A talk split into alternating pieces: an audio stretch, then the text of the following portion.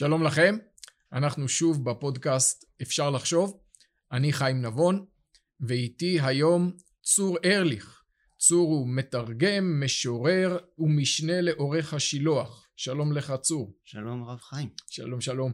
האמת שהיום הבאנו אותך לכאן לא לדון על שירתך, על זה אולי בפעם אחרת, אלא בעיקר על תרגומיך לאדם ספציפי אחד ומיוחד, וזה הרב יונתן זקס, זיכרונו לברכה, שהלך מעימן, הוא נפטר בחודש הזה אה, לכאב ליבם של רבים באופן אה, די מפתיע. אה, אתה בעצם תרגמת אותו לעברית בעשר השנים האחרונות תרגמת כמיליון מילים של הרב זקס לעברית. עשית חשבון כזה. עשיתי חשבון כזה, כן. אמ, זה התחיל לפני 13 שנה. אה, כמעט חצי מהמיליון הזה הוא דבר התורה השבועי שלו לפרשת השבוע. אה, כבר אה, שבע שנים שהוא מופץ כל שבוע. ולצידו הספרים שאנחנו רואים כאן כמה וכמה ספרים נושאיים. באמת יש משהו בפרשת השבוע הזאת הרבה אנשים שיבחו אותה כי זה הפך באמת בשנים האחרונות הצליח בעקבות ההתעקשות של הוצאת קורן שלקחה אותי לתרגם אותם ולהפיץ את זה הצליח לתפוס, אני, אני חושד שיותר מכל ספר פרשת שבוע אחר, בגלל הייחוד ש, של הרב זקס, שאני מתאר לעצמי שנדבר עליו בהרחבה, בגלל אה, רוחב הדעת והאופקים רחבים והשילוב של איש שפשוט קורא הכל, יודע כמעט כל דבר רלוונטי היום גם בתרבות החול בספרות הכללית, במדע, במדעי החברה, במדעי הרוח, וגם כמובן בר אוריין גדול ביהדות, וגם מפני שהוא לוקח את כל זה ומעבר לאינטגרציה, קופץ איזו קפיצה מחשבתית, ולפעמים יש לו איזה חידוש מסחרר, שלא חשבנו עליו, כמה שנים על שנים אנחנו קוראים ושומעים דבר תורה ולומדים את פרשת השבוע, והחידושים האלה גם מתאימים אותנו, לכן יש משהו בספר שיג ושיח של פרשת השבוע, אה, הנה הוא כאן, אה, שנותן לנו איזה בכל פעם הבזק מפן אחר של התורה הכל כך מקיפה הזאת ואינטגרטיבית של הרב זקס ופוגשים אותו בכל פעם באיזו הברקה אחרת שלו באיזו תחום ידע נוסף שלו. אז אנחנו נדבר הרבה על הרב זקס. אני קודם אגיד משהו עליך. אה, אתה אנחנו מכירים הרבה שנים אתה אדם צנוע מאוד. אני אגיד את מקצת שבחך בפניך שאתה לדעתי מהמתרגמים הטובים בישראל בוודאי בשורה הראשונה, אחרי שקראתי את הספר השותפות הגדולה, אני זוכר שגמרתי אותו, אמרתי, מי המתרגם שעשה את זה? וראיתי צור ארליך, והתקשרתי אליך, נכון. ואתה אמרת לי, זה הרב זקס, הוא פשוט כותב באופן שקל כל כך לתרגם. אני רוצה להגיד לך שאני לא מאמין לך, קודם כל, זה לא רק הרב זקס, עוד נדבר גם על זה. אני אשאל אותך קודם כל, איך אתה פותר דילמה שמעלה גמרא במסכת מגילה? הגמרא אומרת, על תרגום, היא מדברת זה על תרגום התורה לארמית, שהמתרגם פסוק כצורתו, הרי זה בדאי, וכל המשנה, הרי זה מחרף ומגדף. המתרגם פסוק כצורתו זה תרגומים שאני קורא להם רצתי החוצה מכסף, I ran out of money.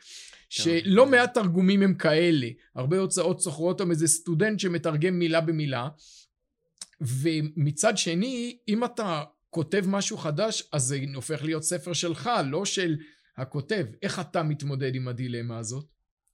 טוב, זו, זו הדילמה הבסיסית של כל, כל מתרגם, וכל מתרגם, זה, זה א' ב' של תרגום באמת, להבין שלא לתרגם פסוק כצורתו, גם ברמה הרבה יותר איכותית ממה שהדגמת. אפילו לא, לא שומרים על מבנה המשפט, צריך לזכור ששפה היא גם תרבות, גם עולם הקשרים מסוים. אצל הרב זקס זה באמת בולט מפני שהוא כותב על התורה ועל מקורות העבריים ומציג אותם לקורא האנגלי ומתרגם אותם לעולם המושגים שלו ומה שהוא כן יודע ומה שהוא לא יודע והוא צריך להוכיח לו למשל שרוח אה, יכולה להיות גם, גם נפש זה בכלל לא מובן מאליו לקורא האנגלי אז הוא אומר מוצא איזה ציטטה משקספיר שאמר את זה. אני ניגש לקורא העברי אז הנה אפילו ברמת התוכן אני צריך אני לא יכול להגיד לו תשמע אה, רוח היא נפש הנה שקספיר אמר. אני צריך למצוא לזה פתרונות ו... לתרגם לעולם שלו, ולעומת זאת דברים שמובנים מאליהם לקורא האנגלי, על כל מיני קשרים שיש בתרבות שלהם בין מילים, אני צריך לתת לקורא. אמ, אני, אני חושב בכל זאת, אני לא, לא, לא הצטנעתי הרבה יותר מדי כשאמרתי את זה על הרב זק, זה כן הוא. הוא אה, גם מי ששמע אותו מדבר וגם מי שקרא אותו כותב באנגלית, כותב צלול במשפטים מאוד נהירים, אה, בדרך כלל לא ארוכים מדי, מסביר דברים להפליא ואני יכול לספר לך על חוויה שלי ממש מהימים האלה. אני עכשיו אה, מתרגם את הספר האחרון שהוא הספיק להוציא בחייו, מוסר, מורליטי. ספר נפלא, כן. ובמסגרת uh, עבודתי העיקרית, שחלק ממנה היא ספריית שיבולת, אנחנו, אני עורך תרגום של ספר שנקרא חוש המוסר של ווילסון, שאיכשהו יצא לי ממש באותו יום ששניהם עסקו באותה סוגיה, הציגו ניסויים בתורת המשחקים. אצל ווילסון, שהוא כותב, נחשב כותב טוב וברור ומרצה טוב והכל בסדר ומתפתל ומסביר ו- ו- ו- ועמודים על עמודים. ואצל הרב זקס אותו דבר, אותו ניסוי, תואר במשפטים ספורים בבהירות כזאת שכדי לשפר את התרגום הקיים לווילסון קצת לקחתי רעיון מהרב זקס איך אומרים את הדבר הזה בפשטות זה ככה לכן אה, יש ממד בתרגום הרב זקס שהוא יותר מתרגומים, כל תרגום אחר שאני חושב שהיה לי, של באמת הרקה מכלי אל כלי, הוא כותב משפט יפה והרבה פעמים הגיוני שגם בעברית המשפט יהיה במבנה הזה, זה נדיר. זה נדיר, אני אוסיף על דבריך שהתחושה שלי כשאני קורא את התרגומים שלך, שאתה לא מתרגם את הרב זקס מאנגלית, אתה כותב איך שהרב זקס היה כותב בעברית, כן. מה שמאוד קשה לעשות, וחלק מזה זה אולי, אני חושב לאור דבריך, שהמשפטים של הרב זקס באנגלית הם הרבה פעמים עבריים מבחינת התחביר שלהם. כלומר, לכותבי אנגלית יש נטייה לכתוב משפטים מאוד מורכבים וארוכים. כן. עברית אוהבת משפטים קצרים, ומשום מה הרב זקס כותב משפטים כאלה. יש קטע של עמוס עוז, שהוא מספר על אחד מספריו, שמתחיל במילים תחילה רגשו הכפרים, נקודה. הוא כותב את זה באור התכלת העזה. וכשתרגמו את זה לאנגלית זה יוצא It all began with outbreaks of discontent in the villages. כלומר, הוא אומר, אנגלית לא אוהבת משפטים קצרים ועברית כן. ואיכשהו הפרוזה של הרב זקס היא עברית גם כשהוא כותב באנגלית. אמ, במידה מסוימת, כן, כן. אמ, מעבר לזה, אני, כשאני מתרגם חומר כזה, אני מרגיש שאני משיב את הדבר למקורו. כלומר, הוא היה צריך לכתוב את זה בעברית. נכון. אני חושב שחוויה דומה, מעניין אה, בתחום אחר. אני הגעתי לתרגום הרב זס מתרגום שירה. מזה התחלתי להיות מתרגם, ובצעד מאוד נועז, מתיו מילר, המו"ל של קוריאן, אמר, נוסע לתרגם את הרב זקס. לפני כן לא תרגמתי כלל אה, חומר פרוזאי או עיוני מאנגלית. ו... אה, כי, כי יש משהו גם, גם שירי אצלו זה דבר ראשון. דבר שני אני מוצא את עצמי חוזר עכשיו על דברים לגבי הרב זקס הדברים שאמרתי על תרגומי קיפלינג שכותב שירים על התנ"ך חוץ להיות קיפלינג כותב שירים שמחיים את התנ"ך ורואים את התנ"ך כמיתוס בראשיתי שממנו אפשר לגזור ולומר דברים על תופעות מודרניות והוא נאלץ לכתוב את זה נעבך באנגלית זאת השפה שהוא ידע והרגשה שלי ממש שאני עושה לו את העבודה, הוא רצה, היה צריך לכתוב את זה בעברית, זה דבר עברי במהותו, ואני אה, מנסה לדמיין איך הוא היה כותב את זה לו היו עומדים לרשותו הכלים שהוא ודאי כל כך רצה שיהיו לו, כלי השפה העברית. אז זה נכון גם כאן. אה, אז אתה יודע מה, אני אשאל אותך משהו על תרגום ברמה עמוקה יותר. במובן מסוים גם הרב זקס, אני מרגיש, עושה פעולת תרגום. מהעולם האנגלו-אמריקאי לעולם העברי התנ"כי ולהפך ואני אשתף אותך שכשאני חושב על הדימוי הזה אני, אני מרגיש שהוא נכון רק אני לא מצליח להגדיר לעצמי ממה למה הוא מתרגם. האם הוא מתרגם מתנ"כית לבריטית או מבריטית לתנ"כית זהו כי, כי באמת ברגע שמדברים על תרגום אז זה חייב להיות ממשהו למשהו ואצלו זה זה מכלול, כלומר הוא פשוט מקבץ, זה אינטגרציה מה שנקרא, מקבץ יחדיו עולמות והמיוחד בו בנוסף על כך זה שהוא באמת משגרר אותם ומציג אותם שוב בפני הרבה עולמות. ואלון קרוב אליך בישראל אלון חסידי יכול לקחת כל שבוע את דבר התורה של הרב זקס טיפה טיפה אה, להוריד אה, פה ושם משפטים יותר מדי אה, נועזים אבל בסך הכל לתת אותו. ובי.בי.סי אה, נותן לו לעשות, לעשות סדרה לאוזני כל הגויים והוא מייעץ ל, לראשי אה, ל, ל, למלכה לראשי ממשלה הבריטים. אז אני, אני חושב שיש פה יותר מאינטגרציה. כלומר זה לא צירוף מלאכותי של כמה אופקים, של כמה עולמות, שזה גם דבר מעניין. אה, כשעושים אותו מוצלח הוא דבר מוצלח מאוד. הרב זקס האמין באופן עמוק מאוד שמיטב המסורת האנגלו-אמריקאית זה מה שהיא לקחה מהתנ"ך. כן. כלומר, אנחנו יודעים שהוגי המאה ה-17 הגדולים, שהוא אהב אותם מאוד, אולי בראשם ג'ון לוק, הם כתבו המון על התנ"ך.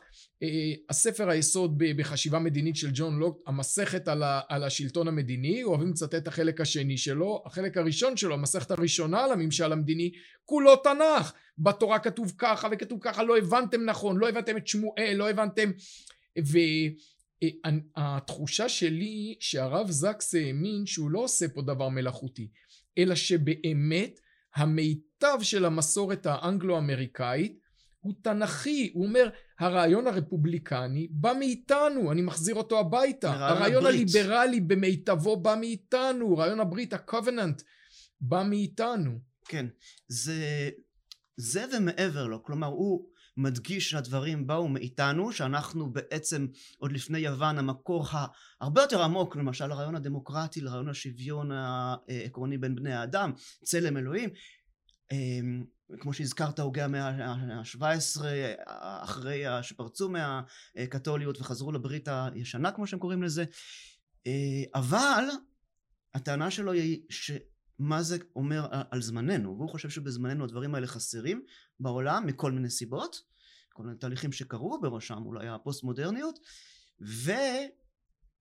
ומפעל שהוא חשב שהוא מפעל חייו, חלק ממפעל חייו, פן ממפעל חייו הוא באמת לשאת לעולם את הקול הזה, להזכיר לו את מה שהעולם עצמו צעד לקראתו וידע להיות בתקופה ההיא בהקמת ארצות הברית, אבות המייסדים, הוא מרבה לדבר על זה, הוא בעצמו בריטי, אבל אה, יש לי איזה מאמר בכותרת, אני נתתי לו את הכותרת כי באנגלית זה לא עובד, אבל אה, הברית, בריטניה וארצות הברית, והוא הבריטי מטיף מוסר לבריטים, תלמדו מארצות הברית, מהאבות המייסדים שלהם שלקחו את רעיון הברית, גם לנו אגב בספר אה, שיופיע בקרוב על העתיד לעם היהודי בלשון עתיד, הוא מזכיר לנו את הרעיון הפוליטי הזה של הברית שאפשר לדבר עליו ולהסביר מהו, שתחזרו ל...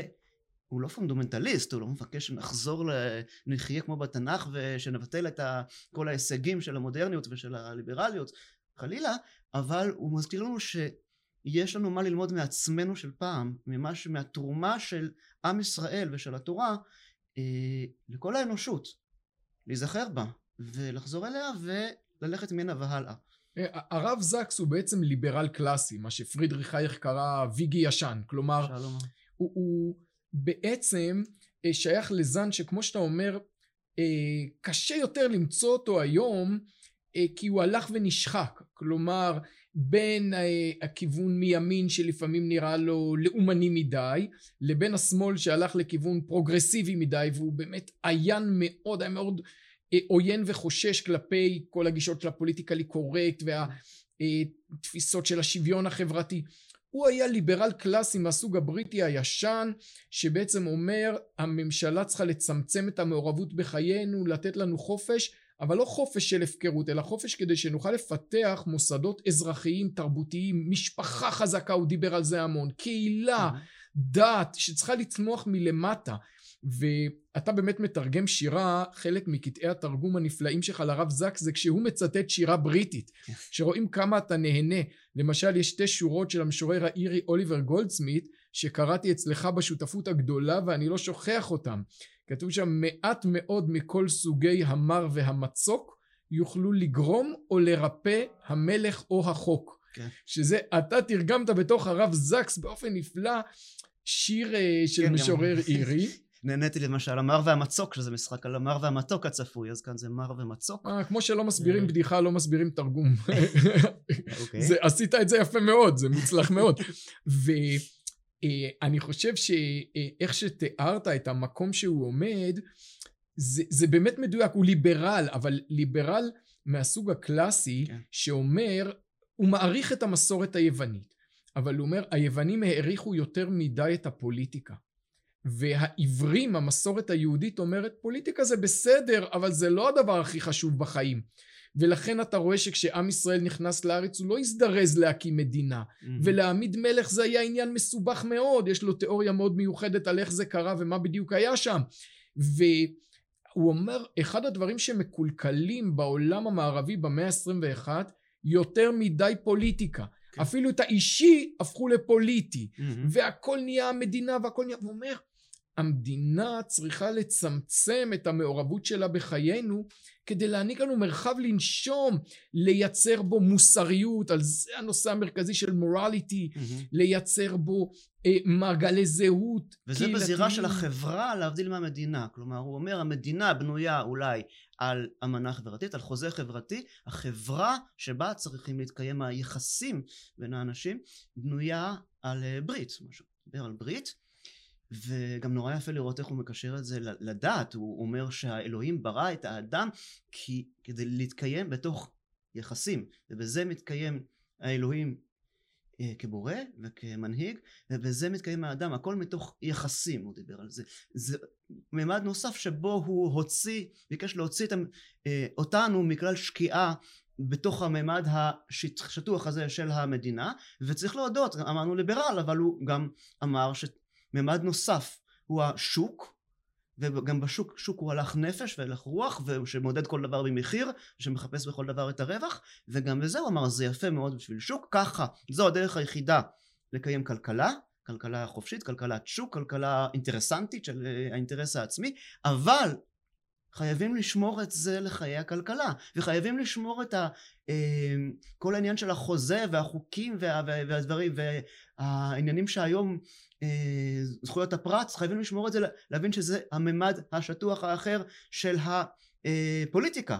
יש עוד ממדים זה מה שהוא ביקש לומר. נכון במורליטי באמת ספרו האחרון הוא אומר שזה נראה לו לא תקין מבחינה מוסרית שמנכ"ל לוקח משכורת שהיא גבוהה פי אלף כן. מהעובדים שלו, אבל הוא אמר, הדרך להילחם בתופעה הזאת היא לא על ידי רגולציה ממשלתית כי זה להחליף רעה אחת ברעה אחרת. הדרך למנוע את זה היא שהמנכ"ל יתבייש. אני רוצה מורליטי, אני רוצה מוסריות אישית, לא כפייה ממשלתית. Mm-hmm. תגיד לי, למה אתה חושב הוא באמת התקבל כל כך באהבה והערצה בישראל בשנים האחרונות, עם כל הבריטיות שלו.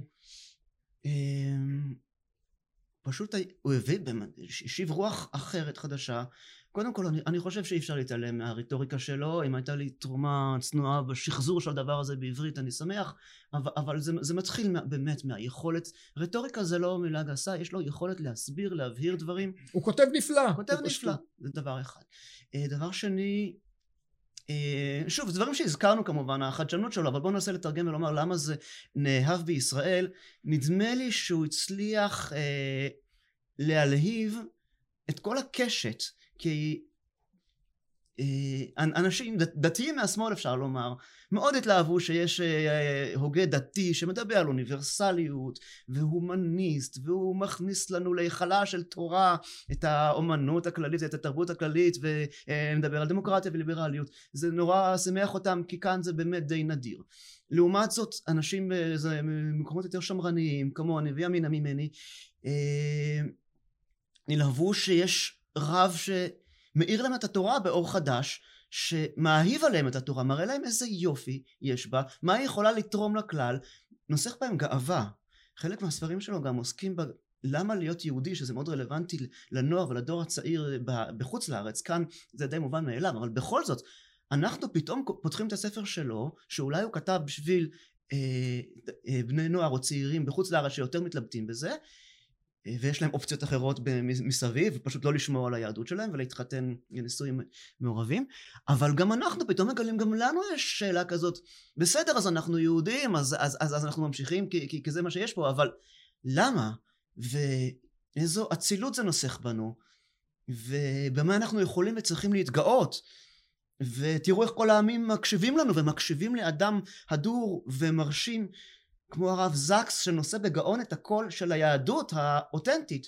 כלומר זה יכול להלהיב אני חושב כל ישראלי עם הרגישויות והנטיות שלו וזה מה שקרה וזה מה שאני מקווה שיקרה עוד כי מצ, מצד אחד באמת ראינו אה, אבל וצער והרבה כתיבה והספדים ו, ותחושת התייתמות אצל רבים רבים אבל אני חושבת שזה עדיין לא פרץ בהרבה את גבולות הקהל של קוראי ספרי הרבנים. בעיתונות הלא דתית מצאת התייחסויות לפטירה של הרב זקס שהייתה פטירה מעבר לחשיבות שלו פטירה דרמטית מאוד מהירה בגיל צעיר אה, לא צפויה. אה, מצאת התייחסויות לזה אני חושב כמעט רק בטורים של כותבים מאוריינטציה דתית. לא ראיתי כתבות. היה הרב יונתן זקס והיה נתן זך שני אישים עם שמות דומים שמיים וארץ ב- ב- ב- לדעתי גם במידת החשיבות שלהם לטובת הרב יונתן זקס אבל וד... להיפוכו של דבר מבחינת ההתייחסות והמודעות של הציבור בישראל ואני חושב ש... אה, אולי אפילו אפשר לומר יש לנו איזה מנהג כזה שכשמישהו מסתלק מהעולם איזה גדול פתאום כולם מגלים אותו.